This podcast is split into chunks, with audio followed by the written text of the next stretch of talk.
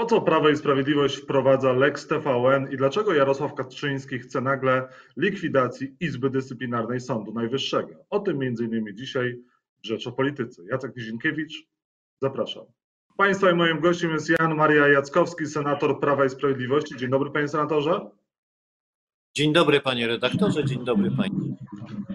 Po co Prawo i Sprawiedliwość chce wprowadzenia Lex TVN? No, dobre pytanie, bo ten y, artykuł 35, który określa stopień własności y, w mediach elektronicznych w Polsce, faktycznie jest niedoprecyzowany. Jeżeli literalnie wziąć to, co deklarują wnioskodawcy, a więc niedopuszczenie na polski rynek kapitału pochodzącego z kraju niedemokratycznego, jak to się określa, no to można było na ten temat spokojnie przeprowadzić dyskusję, debatę, zaprosić ekspertów, odwołać się do tych wzorców, które są chociażby w Niemczech, we Francji, w innych krajach członkowskich Unii Europejskiej i w sposób spokojny procedować taką ustawę y, w jakimś konsensusie, a przynajmniej dialogu, jeżeli chodzi o zainteresowane środowiska, w tym te podmioty, które działają obecnie na rynku polskim. Wybrano jakąś drogę konfrontacyjną, nagłą z zaskoczenia. I prawdę powiedziawszy, jak na razie, to ja nie widzę jakichś zysków y, politycznych y, z tego działania. Natomiast wręcz przeciwnie, y, wizerunek Polski na międzynarodowej no, w jakiś sposób jest taki, no, jest niezbyt klarowny pod względem przestrzegania wolności prasy, wolności możliwości działania, pluralizmu opinii publicznej. Y, a również na, a również na y, rynku wewnętrznym w Polsce. No przecież y, ta ustawa, dziś słyszymy, że mają być protesty, może one nie będą liczne, no tym niemniej jednak się pojawiają w obronie TVN-u. I to wszystko wywołuje niepotrzebne dodatkowe napięcie i szczerze powiedziawszy, nie wiem, po co w takim trybie i w taki sposób ta ustawa jest procedowana. W moim głębokim przekonaniu y, należało to zrobić. Ja nie mówię, że tak doprecyzowania artykułu 35 nie powinno być. Żyjemy w czasach globalizacji, nowych technik multimedialnych. Prawo trzeba do tego dostosowywać, natomiast sposób, w jaki to zostało wykonane, no, jest takim sposobem, powiedziałbym, y, bardzo konfrontacyjnym, tak zostało odebrane i słyszymy codziennie o jakichś protestach też ze strony różnych podmiotów zagranicznych. Przecież był słynny Panie senatorze, a, a, par, a, parlamentarzyści Prawa i Sprawiedliwości też również zostali zaskoczeni tym projektem? Wy o tym nie wiedzieliście, dowiedzieliście się o tym z mediów? No ja, panie redaktorze, się dowiedziałem z mediów. Ja nie potrafię za wszystkich parlamentarzystów, ale sądzę, że zdecydowana większość, jak nie wszyscy senatorowie dowiedzieli się, no może poza jedną czy dwiema osobami dowiedziały się o tym z mediów. Chciałbym podkreślić, że mediami i z mediami ja pracuję ponad 40 lat y, i też w parlamencie specjalizuję się w problematyce medialnej. Byłem kiedyś w przeszłości szefem Komisji Kultury i Środków Przekazu w Sejmie. Teraz kolejną kadencję jestem wiceprzewodniczącym Komisji Kultury i Środków Przekazu y, w Senacie i powiem, że nikt nie pytał mnie o zdanie w tej sprawie, czy należy ten artykuł doprecyzowywać, a jeżeli tak, to co, co należałoby tam wprowadzić, na jakich zasadach i tak dalej, i tak dalej. Nie było takich konsultacji, y, przynajmniej y, w tym części, o której ja wiem, naszego obozu politycznego. No może poprawka Jarosława Gowina e, w sprawie Lex TVN e, jest e, dobra i ona mogłaby tutaj troszkę rozwiązać. Jarosław Gowin chce, porozumienie zgłosiło poprawkę do projektu ustawy medialnej dopuszczającą państwa OECD, w tym USA, do rynku medialnego w Polsce. No ta poprawka merytorycznie wychodzi naprzeciw intencjom wnioskodawców no kraje OECD to jednak są kraje, które no, są krajami demokratycznymi y, i są to kraje, które idą drogą y, demokratyczną. Y, ale proszę zwrócić uwagę, że prezes Jarosław Kaczyński skrytykował tę poprawkę czy ten sposób myślenia, twierdząc, że w ten sposób na przykład mógłby się kapitał pochodzący z narkobiznesu na przykład w Polsce zainstalować, mając na myśli chociażby tutaj Kolumbię. No, to jest taka, taki argument, powiedziałbym, widowiskowy. No tym niemniej nie zdarza się, aby w, w, w, w mediach, w, jeżeli chodzi o przede wszystkim ten profil informacyjny, y, instalował się kapitał pochodzący z przestępczości. No, w krajach demokratycznych y, raczej nie ma takich przykładów, które mogłyby odzwierciedlić tę tezę. A więc ta poprawka pana y, premiera Gowina, ona wychodzi naprzeciw rozwiązaniu tego problemu, natomiast widać wyraźnie, że w PiSie chyba nie ma woli, żeby taką poprawkę poprzeć. No ale co mógł Jarosław Kaczyński mieć na myśli, właśnie odrzucając tę poprawkę Jarosława Gowina do Lex TVN, mówiąc, że ogromne ryzyko jest narkobiznesu i prania brudnych pieniędzy w, Pols w polskich mediach. No to wydaje się już taki cios bardzo poniżej pasa, no też chyba obrażający inteligencję, nie tylko swoich wyborców. No, panie redaktorze, no pozostawię to bez komentarza. Już wypowiedziałem się, odpowiadając na poprzednie pańskie pytanie. E, no w moim głębokim przekonaniu e, nie ma takiego prawa, żeby wszystko to, co wnioskodawca by chciał, w każdym zakresie w 200% zostało spełnione. Zawsze może się pojawić, przy obojętnie, nawet przy tej wersji, którą e, proponował pierwotnie, ta, czy proponowała ta grupa wnioskodawców, też może się teoretycznie pojawić kapitał, Y, który jest niewiadomego pochodzenia, y, no powiedzmy sobie na przykład z szarej strefy. Też tego nie możemy wykluczyć, pochodzący z kraju, jakiegoś kraju, który jest w europejskiej y, przestrzeni gospodarczej, czy przepraszam, obszarze, w europejskim obszarze gospodarczym. Więc tutaj to są takie argumenty, z którymi w zasadzie trudno polemizować, ale w jakiś sposób została tutaj wypowiedziana pewna intencja. No, widać wyraźnie, że na tę dyskusję Lex TVN kładzie się również szerszy kontekst dotyczący sytuacji wewnątrz obozu Zjednoczonej Prawicy i trochę to przypomina, że to, co zaproponuje porozumienie Jarosława Gowina, jest kontestowane przez PiS, a to, co proponuje PiS z kolei, ten twardy, no to jest kontestowane przez środowisko porozumienia. No i taką sytuację mamy, więc dlatego to dla opinii publicznej może być niezrozumiałe, a dla nas, dla obozu, dla szarych y, y, parlamentarzystów y, obozu będących w klubie Prawa i Sprawiedliwości, to stwarza sytuację taką, że nasi wyborcy nie rozumieją tego, co się dzieje, nas się pytają i nie bardzo wiedzą, w jaką stronę to wszystko zmierza. Zresztą sądzę, że chyba tak do końca to nikt w Polsce nie wie, w jaką stronę to wszystko zmierza. Panie senatorze, pan poprze w Senacie Lex TVN? No zobaczymy, w ta ustawa trafi do nas z Sejmu. No ja nie sądzę, żeby w tej formie, która jest obecnie, łącznie z tą poprawką, którą proponowało środowisko Kukiza, no bo ona została zmieniona w stosunku do tej pierwotnej wersji, żeby w takiej formie trafiła do Senatu. A jeżeli trafi, to przecież wiadomo, że opcja Y, ma większość w Senacie i na pewno ta ustawa będzie podlegała bardzo wpływej. Żeby od razu powiedzieć, że przy okazji innych ustaw niezwiązanych z tą ustawą, ale przy chociażby sprawozdaniu Krajowej Rady Radiofonii i Telewizji Mediów Narodowych, ten temat był bardzo żywo dyskutowany y, w Senacie i widać wyraźnie, że w tym ta dyskusja y, będzie bardzo szeroka i na pewno bardzo wnikliwa. To już jestem przekonany, że pan marszałek Grocki y, zadba o to, żeby tak było. Panie y, senatorze, Prawo i Sprawiedliwość zgromadzi większość w Sejmie dla poparcia Lex TVN, bo porozumienie jasno się deklaruje, Konfederacja no już się nie deklaruje, możliwe się wstrzyma od głosu i chyba nawet w samym Kukiz 15 są podziały. Y, tak, ma Pan rację. Myślę, że w tej chwili mamy taką sytuację, że tak naprawdę trudno powiedzieć na 100%, czy jest 231 głosów na sztywno, żeby tę ustawę przeprowadzić w tym kształcie. Na pewno trwają y, w tej chwili dyskusje, ale panie redaktorze, ja zwracam uwagę, że proces legislacyjny w Polsce to jest Sejm, to jest Senat, i jeszcze jest bardzo ważnym uczestnikiem tego procesu pan prezydent, który podpisuje ustawę, bądź jej nie podpisuje, bądź kieruje ją do Trybunału. I jak wiemy, pan prezydent niejednokrotnie już zaskakiwał obóz rządzący y, na przestrzeni ostatnich lat, jak pełni swój najwyższy urząd y, w Pol- Rzeczypospolitej y, swoimi decyzjami.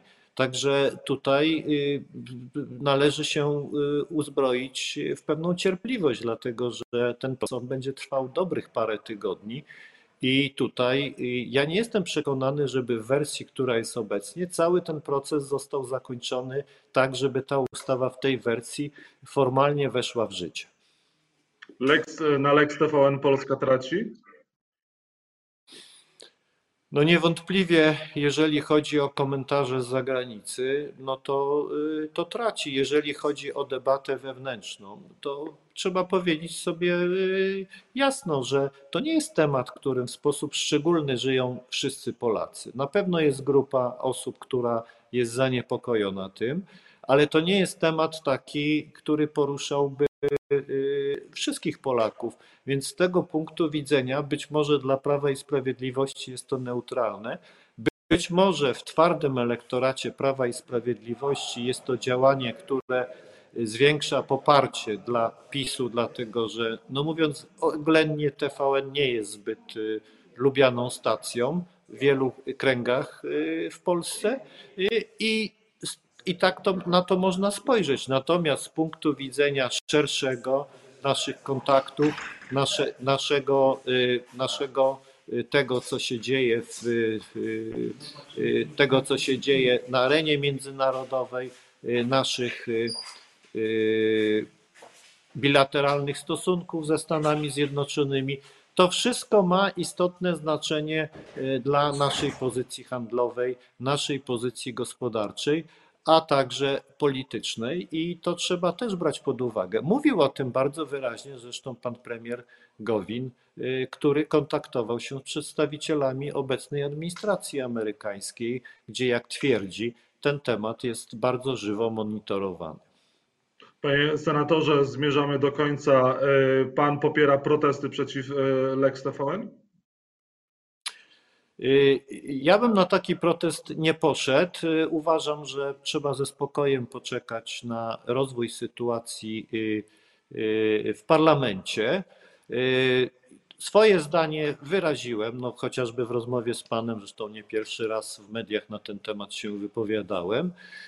Mam nadzieję, że no, zwycięży jednak pewien, pewien racjonalizm polityczny i zostanie wypracowana taka formuła, która będzie do przyjęcia i nie będzie odbierana jako konfrontacyjna czy działająca zdecydowanie przeciwko jakiemuś jednemu podmiotowi silnemu, podkreślam silnemu, działającemu na rynku y, medialnym w Polsce y, i, i, i po prostu taki przewiduje jakiś no, pozytywny scenariusz dla przyszłości tej ustawy.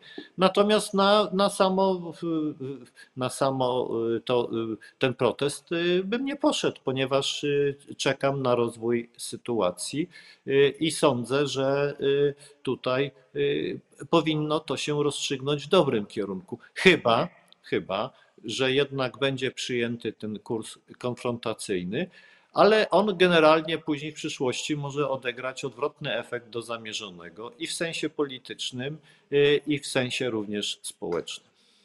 Zmierzając do końca, a TVN24 powinno dostać y, koncesję, powinna ta koncesja zostać przedłużona y, stacji? No, według tych kryteriów, którymi się do tej pory kierowała Krajowa Rada Radiofonii i Telewizji, Y, no to y, y, wniosek jest jeden i oczywisty. Natomiast zresztą, panie redaktorze, widać wyraźnie, że też wewnątrz Krajowej Rady Radiofonii i Telewizji trwa pewien dyskurs na ten temat, ponieważ propozycje pana przewodniczącego Kołodziejskiego dotyczące chociażby no, tej licencji wydawanej bez koncesji, taka, taka propozycja padła, no pokazuje, że w Krajowej Radzie Radiofonii i Telewizji jest świadomość tego, y, o jak poważnej sprawie w tej chwili trwa dyskusja. No ale to nie powiedział Pan, jaki jest wniosek. Powinna mieć przedłużoną e, koncesję, czy nie? Moim zdaniem powinna być przedłużona koncesja i jeżeli ta ustawa ograniczająca możliwość kapitału spoza europejskiego, no, w jakiś sposób regulująca czy doprecyzowująca artykuł 35, to powinna być tak zrobiona, żeby uwzględniała te realia, które obecnie mamy. I na koniec, czekają nas wcześniejsze wybory. Koalicjanci Prawa i Sprawiedliwości zapowiadają no, lekki dystans od Polskiego Ładu. Jarosław Gowin w kwestii wsparcia dla emerytów i przedsiębiorców, Zbigniew Ziobro w kwestiach klimatycznych. Jest bardzo wiele sporów, jeżeli chodzi o samą Zjednoczoną Prawicę. Dokąd to zmierza? Do wcześniejszych na wiosnę wyborów? No, są takie spekulacje, które pojawiają się mediach. Natomiast mnie się wydaje, że bardziej jest to w tej chwili salonowa czy gabinetowa dyskusja i case taki, który jest po prostu studiowany na zasadzie no, takich scenariuszy, które mogłyby się wydarzyć w najbliższych miesiącach w Polsce. Natomiast dwie kwestie są istotne. Po pierwsze, Przedterminowy jest trauma roku 2007 w środowisku prawicy, która przecież po wcześniejszych wyborach przegrała te wybory. No jest jeszcze 93 rok, no ale to jest trochę inne zupełnie odniesienie, gdzie też była skrócona kadencja i prawica była na wiele lat odsunięta, na 4 lata odsunięta z parlamentu. Więc to jest taki czynnik, nazwijmy to psychologiczny. A z drugiej strony wszystko na to wskazuje, że te wybory nie byłyby tak rozstrzygnięte po myśli Prawa i Sprawiedliwości. To znaczy, tych, załóżmy hipotetycznie, przedterminowych wyborach, to Prawo i Sprawiedliwość raczej niewielkie ma szanse, żeby zdobyć samodzielną większość w Sejmie i w Senacie.